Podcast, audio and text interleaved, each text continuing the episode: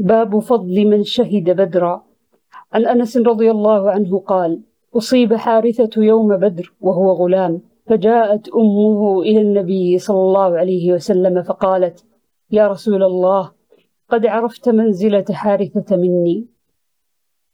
فإن تكن في الجنة أصبر وإن تكن الأخرى ترى ما أصنع. فقال ويحك أو هبلت أيوة جنة واحدة هي إنها جنان كثيرة وإنه في جنة الفردوس. عن علي رضي الله عنه قال بعثني رسول الله صلى الله عليه وسلم وأبا مرثد والزبير وكلنا فارس.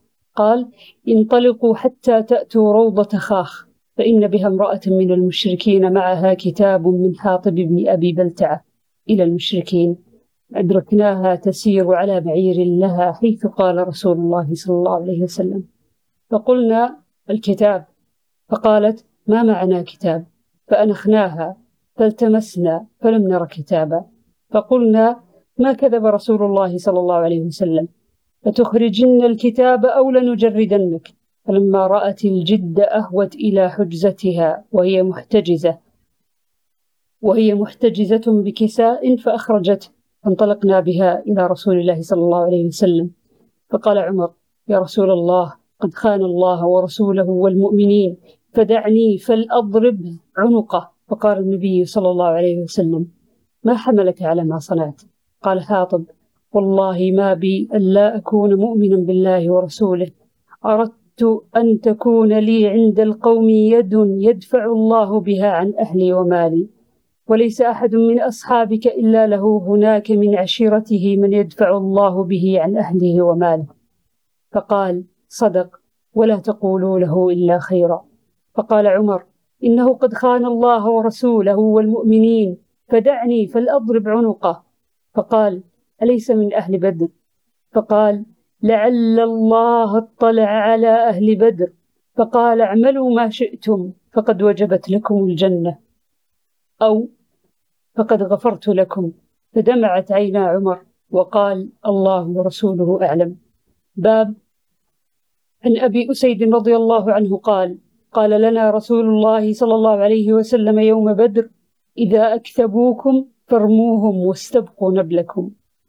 وعنه رضي الله عنه قال قال لنا رسول الله صلى الله عليه وسلم يوم بدر إذا أكثبوكم يعني أكثروكم فارموهم واستبقوا نبلكم. عن البراء بن عازب رضي الله عنه قال جعل النبي صلى الله عليه وسلم على الرماة يوم أحد عبد الله بن جبير فأصابوا منا سبعين. وكان النبي صلى الله عليه وسلم وأصحابه أصاب من المشركين يوم بدر أربعين ومئة. سبعين أسيرا سبعين قتيلا. قال أبو سفيان يوم بيوم بدر والحمد سجال. عن أبي موسى أراه عن النبي صلى الله عليه وسلم قال وإذا الخير ما جاء الله به من الخير بعد وثواب الصدق الذي آتانا بعد يوم بدر. عن عبد الرحمن بن عوف إني لفي الصف يوم بدر إذ التفت فإذا عن يميني وعن يساري فتيان حديثا السن فكأني لم آمن بمكانهما إذ قال لي أحدهما سرا من صاحبه يا عم أرني أبا جهل. فقلت يا ابن أخي وما تصنع به؟ قال عاهدت الله إن رأيته أن أقتله أو أموت دونه. فقال لي الآخر سرا من صاحبه مثله. قال فما سرني أني بين رجلين مكانهما؟ فأشرت لهما إليه فشدا عليه مثل الصقرين حتى ضرباه وهما ابنا عفراء. أبي هريرة رضي الله عنه قال بعث رسول الله صلى الله عليه وسلم عشرة عينا وأمر عليها.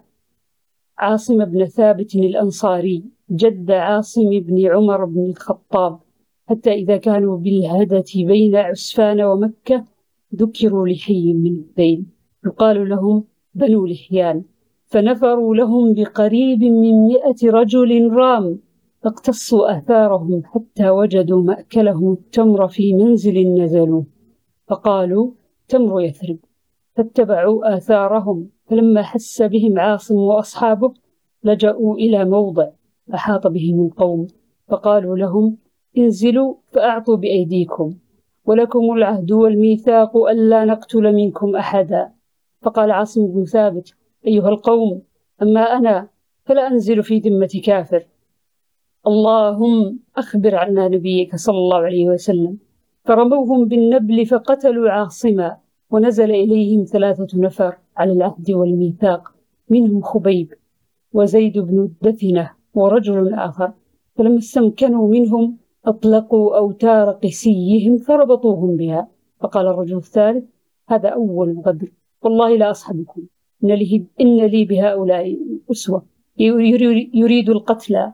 فجرروه وعالجوه فأبى أن يصحبهم. فانطلق بخبيب وزيد بن الدثنة حتى باعوهما بعد وقعة بدر. فابتاع بنو الحارث بن عامر بن نوفل خبيبا. وكان خبيب هو قتل الحارث بن عامر يوم بدر. فلبث خبيب عندهم سيرا حتى أجمعوا قتله. استعار من بعض بنات الحارث موسى يستحد بها فأعارت فدرج بني لها وهي, غافل وهي غافلة عنه حتى أتاه فوجدته مجلسه على فخذه والموسى بيده. قالت ففزعت فزعة عرفها خبيب. فقال أتخشين أن أقتله؟ ما كنت لأفعل ذلك. قالت والله ما رأيت أسيرا قط خيرا من خبيب. والله لقد وجدته يوما يأكل قطفا من عنب في يده وإنه لموثق بالحديد وما بمكة من ثمرة. وكانت تقول إنه لرزق رزقه الله خبيبا. فلما خرجوا به من الحرم ليقتلوه في الحل قال لهم خبيب دعوني أصلي ركعتين. فتركوه فركع ركعتين فقال والله لولا أن تحسبوا أن ما بي جزع لزدت. ثم قال اللهم أحصهم عددا واقتلهم بددا. ولا تبق منهم أحدا. ثم أنشأ يقول فلست أبالي حين أقتل مسلما. على أي جنب كان في الله مصرعي؟ وذلك في ذات الإله وإن يشأ يبارك على أوصال شلو ممزع. ثم قام إليه أبو سروعة عقبة بن الحارث فقتله. وكان خبيب هو سن لكل مسلم قتل صبرا الصلاة. وأخبر يعني النبي صلى الله عليه وسلم أصحابه يوم أصيبوا خبرهم. وبعث ناس من قريش إلى عاصم بن ثابت حين حدثوا أنه قتل أن يؤتوا بشيء منه يعرف وكان, رجل وكان قتل رجلا عظيما من عظمائهم. فبعث الله لعاصم مثل, مثل الظلة من الدبر فحمته من رسلهم فلم يقدروا أن يقطعوا منه شيئا.